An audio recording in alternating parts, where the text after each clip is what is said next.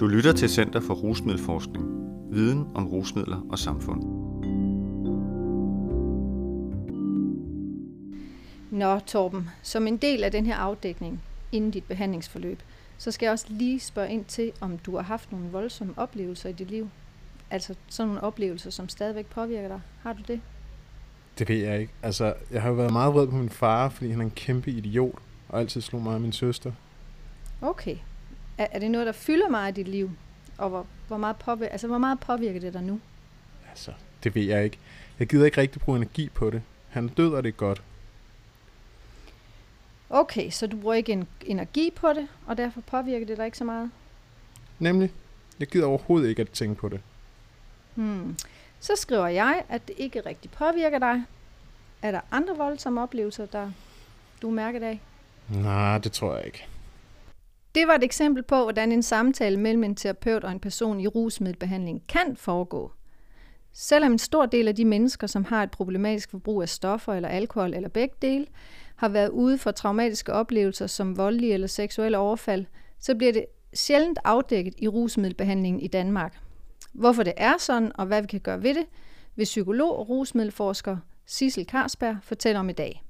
Sissel har forsket i traumereaktioner, siden hun blev færdig som psykolog for 10 år siden. Hun har også udgivet en artikel om, hvordan traumatiske oplevelser påvirker unges udbytte af rusmiddelbehandling. Jeg hedder Marianne Pilegaard, og jeg arbejder med kommunikation på Center for Rusmiddelforskning. Velkommen til. Hej Sissel. Vi kommer til at tale en del om PTSD i dag. Så vil du lige begynde med at forklare, hvad PTSD egentlig er? Ja, det vil jeg gerne. Øh, PTSD, som egentlig hedder posttraumatisk stresssyndrom på dansk, opstår altid efter en eller flere traumaoplevelser. Og traumaoplevelser, det er oplevelser som krig, naturkatastrofer, omsorgssvigt, seksuelle overgreb, det kan være svær mobning, fysiske overgreb, trusler på liv eller helbred, voldsomme ulykker og dødsfald i nærmeste familie.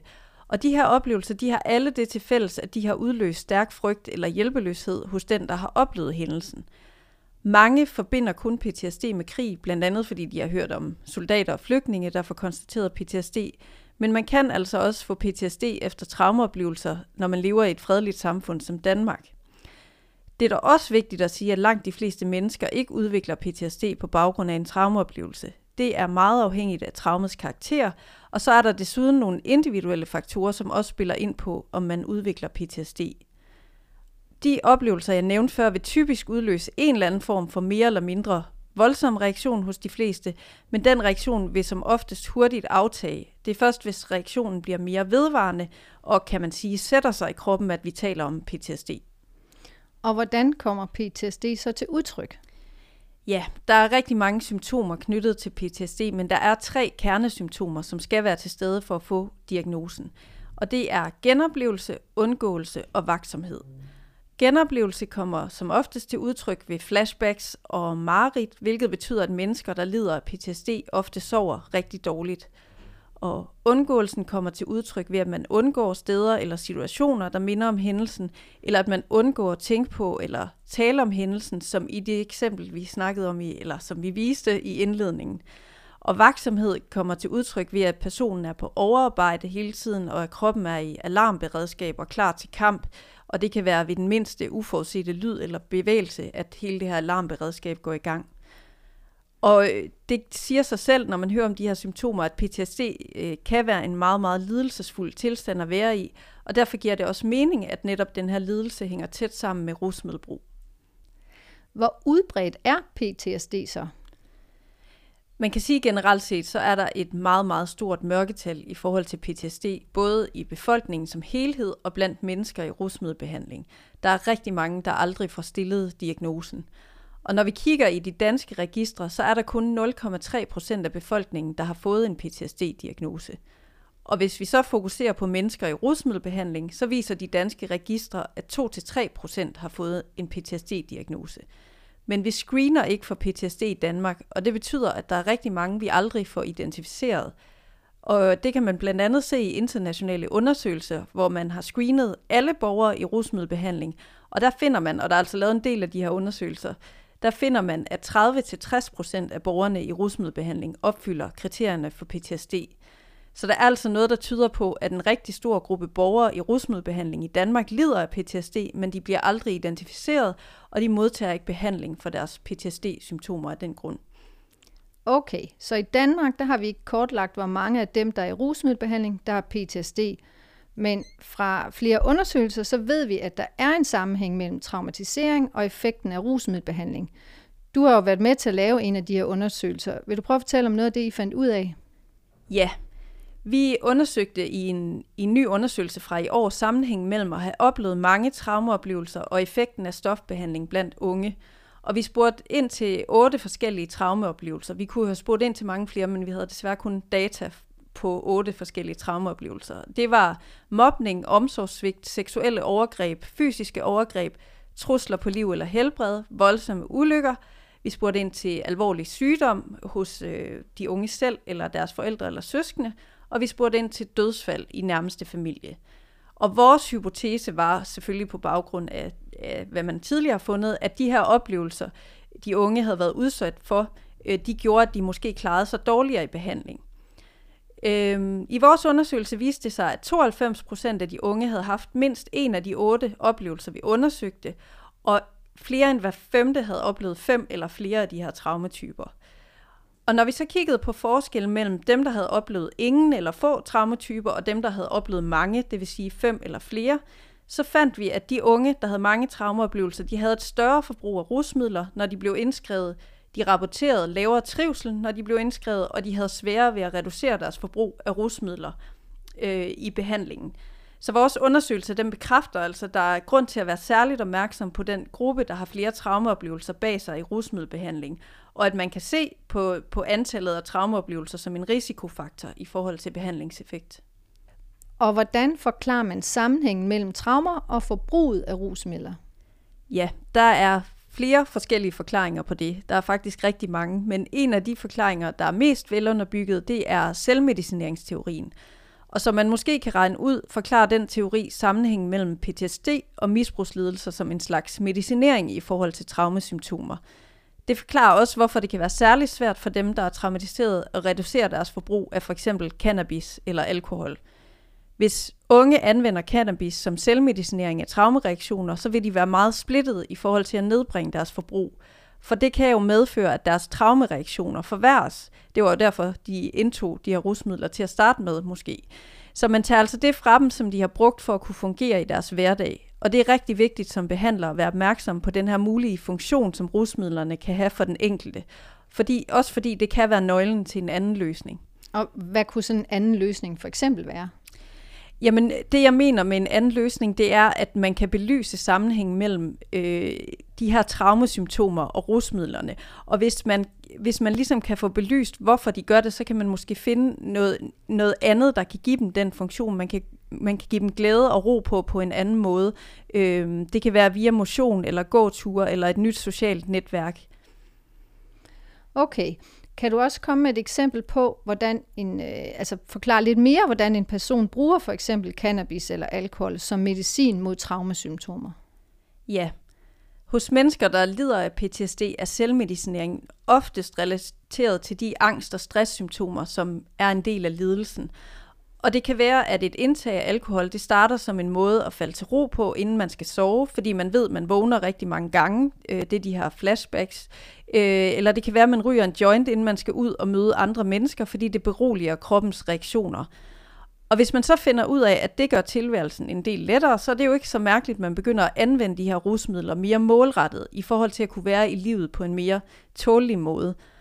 Og så er der også de mennesker, og dem synes jeg heller ikke, vi skal glemme, der lider af kroniske smerter efter for eksempel ulykker eller krigsoplevelser, som bruger rusmidler til at kunne udholde smerterne. Øh, så det er altså en, en mere fysisk form for selvmedicinering. Men altså, der er en klar sammenhæng mellem at være ramt af PTSD og tage stoffer eller drikke rigtig meget alkohol, hænger et stort forbrug af rusmidler på anden måde sammen med traumatiske oplevelser og PTSD. Ja, man ved også, at der er en sammenhæng den anden vej rundt. Altså der er en sammenhæng mellem et problematisk forbrug af rusmidler og PTSD, fordi mennesker, der bruger mange stoffer eller andre rusmidler, de ofte lever et liv, hvor de har en større risiko for at opleve vold og ulykker end andre mennesker. Det kan fx være, at de oplever meget vold, hvis de lever på gaden, eller at de kommer ud for arbejdsulykker på grund af deres rusmiddelbrug. Og det vil sige, at mennesker, der har et problematisk rusmiddelbrug, først udvikler PTSD efterfølgende, og det kalder man the high risk theory. Og der er flere andre forklaringsmodeller, som alle sammen for så vidt er rigtige og forklarer en lille del af sammenhængen mellem PTSD og rusmiddelbrug.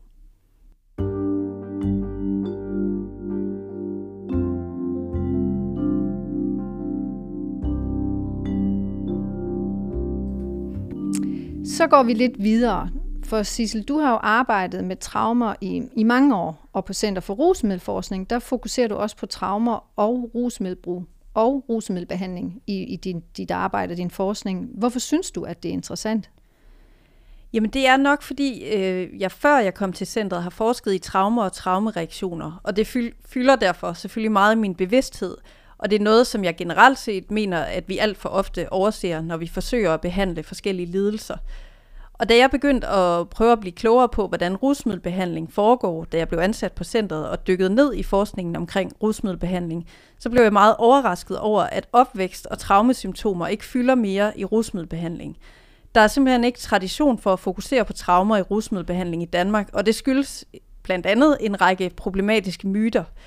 I Danmark der trives den her myte helt tilbage fra 80'erne og 90'erne om, at man risikerer at retraumatisere folk, hvis man taler om deres oplevelser. Men det er virkelig en myte, som bare bør dø. Det er langt værre og langt mere uhensigtsmæssigt at lade som om for eksempel et overgreb ikke eksisterer eller er sket, især hvis det stadigvæk påvirker personen. Okay, hvilke andre myter lever ellers om traumer og rusmiddelbehandling? En anden myte, som jeg kan se lever i bedste velgående, er myten om, at man skal behandle afhængigheden af rusmidler først, og derefter kan man arbejde med traumet eller traumerne. Og det har jeg faktisk selv oplevet, da jeg som psykologistuderende var i praktik på Psykiatrisk Hospital i Rigskov. Øh, der havde jeg et forløb med en patient med PTSD og et ret stort rusmiddelbrug.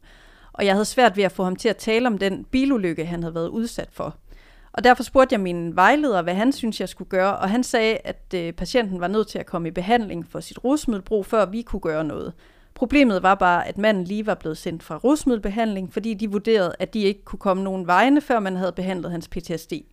Men han blev så sendt tilbage igen, og jeg tænker bare, stakkels mand, det er ikke en værdig måde at behandle mennesker på, og det sker desværre stadigvæk. Hvis man så i den ene eller den anden stilling arbejder med mennesker, som både har nogle traumesymptomer og har et stort rusmiddelbrug, kan man så forholde sig til begge de her øh, lidelser eller problemer samtidig, hvis man skal hjælpe dem? Ja, altså vi ved jo, at det, der hedder, eller vi kalder såkaldt integreret behandling, hvor man netop forholder sig til både traumesymptomer og rusmiddelproblemer samtidig, det har faktisk vist sig at være mere effektivt end rusmiddelbehandling alene. Øhm, og integreret behandling bliver praktiseret i mange lande. Det er meget udbredt i USA, men blandt andet også i Holland og Sverige. I Holland og Sverige og i andre europæiske lande er det dog ikke på nationalt niveau, som det er i USA, men de er stadig en del længere fremme end os på det her område. Men vi tilbyder altså ikke integreret behandling i Danmark? Nej, det kan man ikke sige. Vi kender kun til enkelte behandlingssteder, som tilbyder samtidig behandling for traumer og rusmiddelproblemer i Danmark.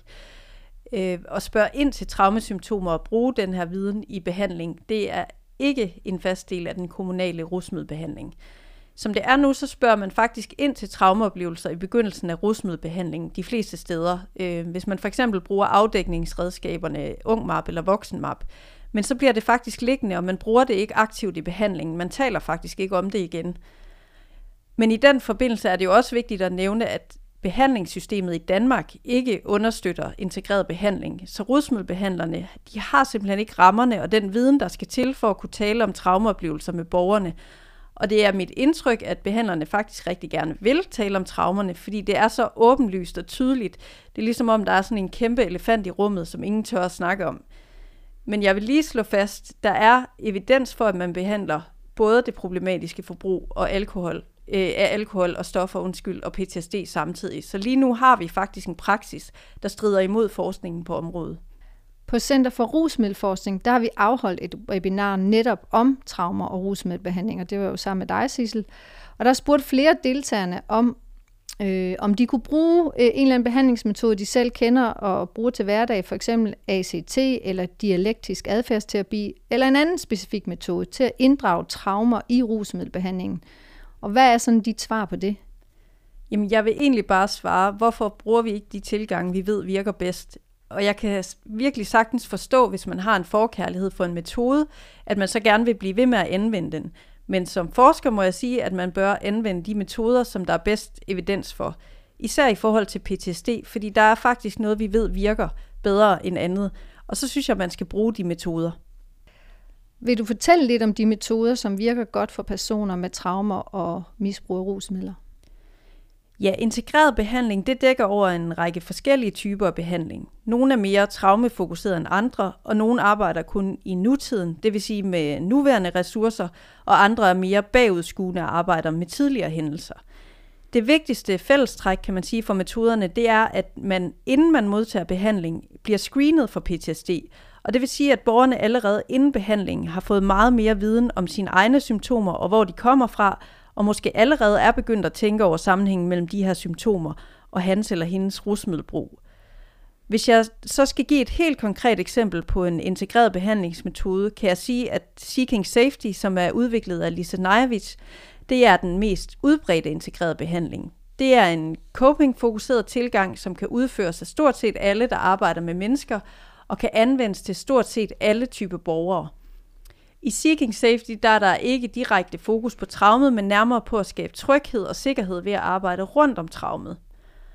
Og noget rigtig spændende, som jeg følger lige nu, det er, at der er stigende evidens for, at et mere direkte fokus på traumesymptomer og sammenhæng mellem traumet og rusmiddelbrug, det er det, der virker bedst.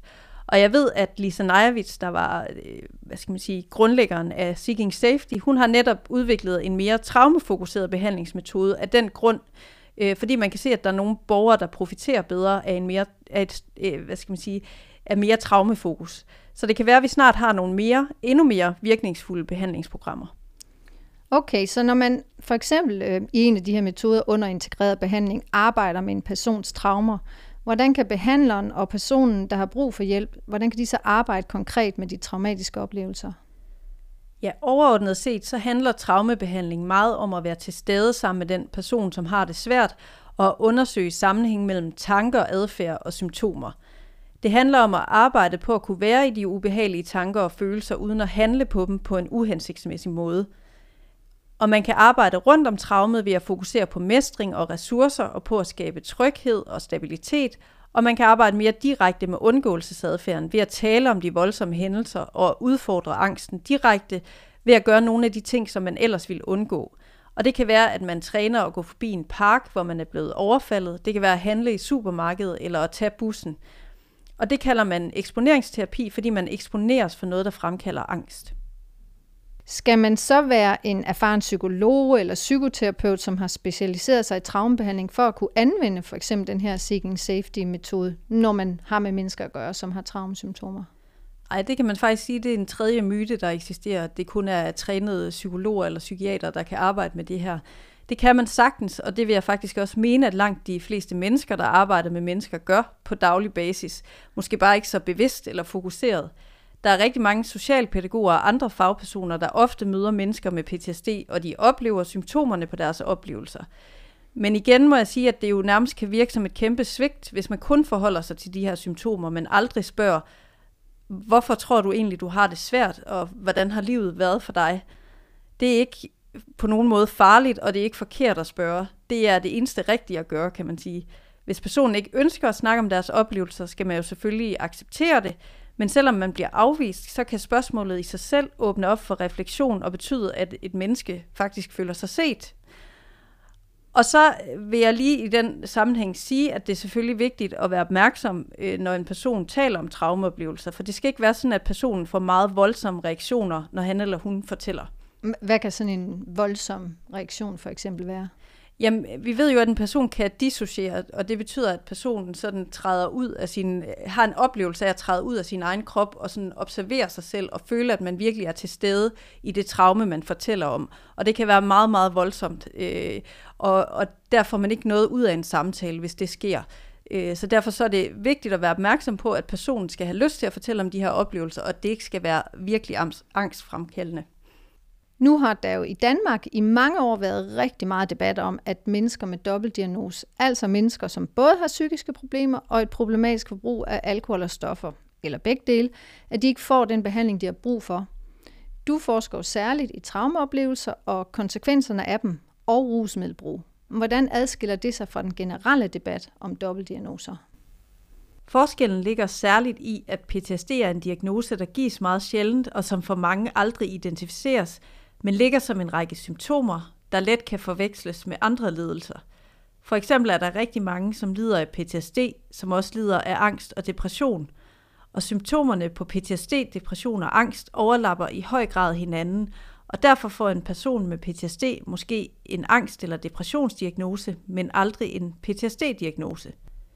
PTSD er også ofte mere kronisk og invaliderende og koblet til helt tidlige barndomsoplevelser – noget, som betyder, at det i mange tilfælde er blevet en integreret del af deres handlingsmønster. Det betyder, at det kan gøre det særligt svært at fjerne rusmidlerne, fordi det er så stærk en del af personens måde at håndtere sit liv på.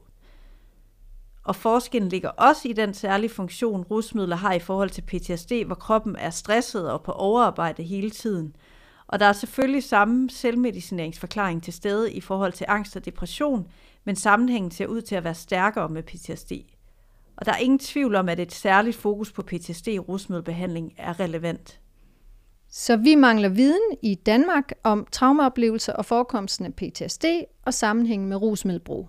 Hvorfor er det vigtigt, at vi får mere viden om de her ja, sammenhænge og det her område i det hele taget? Jamen det er vigtigt, fordi vi ikke ved, hvor mange i rusmiddelbehandling, der har PTSD. Og vi ved faktisk heller ikke, hvor mange, der har et stort rusmiddelbrug, altså øh, mennesker uden for behandlingssystemet, som har PTSD. Vi ved heller ikke, hvordan integreret behandling må vil virke i den danske rusmiddelbehandling, om det vil være lige så lovende, som vi ser i undersøgelser fra andre lande. Og det vil være meget relevant at finde ud af. Og så vil jeg også sige, at det er vigtigt, fordi det er meningsfuldt. Øh, vi har undersøgelser, der viser, at borgere, der både lider af PTSD og har rusmiddelproblemer, føler, at det er mere meningsfuldt at få integreret behandling, altså at de får behandling for rusmiddelmisbrug og PTSD samtidig. Det samme gælder faktisk for behandlere. De ser jo jævnligt de her symptomer på traumaoplevelser hos borgere, der har PTSD, men de ved ikke, hvordan de skal adressere det. Og derfor håber jeg virkelig, der kommer et større fokus på det her område, så vi kan undersøge, om vi kan gøre behandlingen endnu mere effektiv og meningsfuld for en masse mennesker. Tak for det, Sissel. Og hvis jeg så lige skal opsummere ekstremt kort, så er der sådan tre pointer, jeg lige vil trække ud af det her. Altså i Danmark, der bruger vi ikke den viden, der allerede findes fra forskning om, hvordan vi bedst behandler mennesker med PTSD og problematisk rusmiddelbrug. Og det andet er, at, at vi allerede ved fra forskning, at mennesker føler sig bedst hjulpet, hvis de får behandling for både PTSD og deres rusmiddelmisbrug eller overforbrug samtidig, altså såkaldt integreret behandling. Og det tredje er, at man kan så godt tale med mennesker om, hvordan traumeoplevelser påvirker dem i dag, uden at det nødvendigvis skader dem. Det er faktisk værre at ignorere deres traumaoplevelser. Trauma- og rusmiddelbehandling, det er som sagt i det hele taget et emne, som vi på Center for Rusmiddelforskning oplever virkelig stor interesse for. Og hvis du vil vide mere om den undersøgelse, som Sissel nævnte, om sammenhængen mellem antallet af traumaoplevelser hos unge og deres rusmiddelbrug og samt effekten af rusmiddelbehandling, så kig i magasinet Stof nummer 39. Der er en artikel fra, fra Sissel og nogle kolleger i bladet. Er du interesseret i at vide mere om Seeking Safety-metoden, så finder du link på rusmiddelforskning.dk-podcast. Og du kan også høre Sissels webinar om traumer og rusmiddelbehandling, og der skal du bare gå på YouTube og søge på rusmiddelforskning og webinar. Og så vil jeg bare sige tak, fordi du lyttede med. Jeg glæder mig til at dele mere viden med jer i Stof Podcast.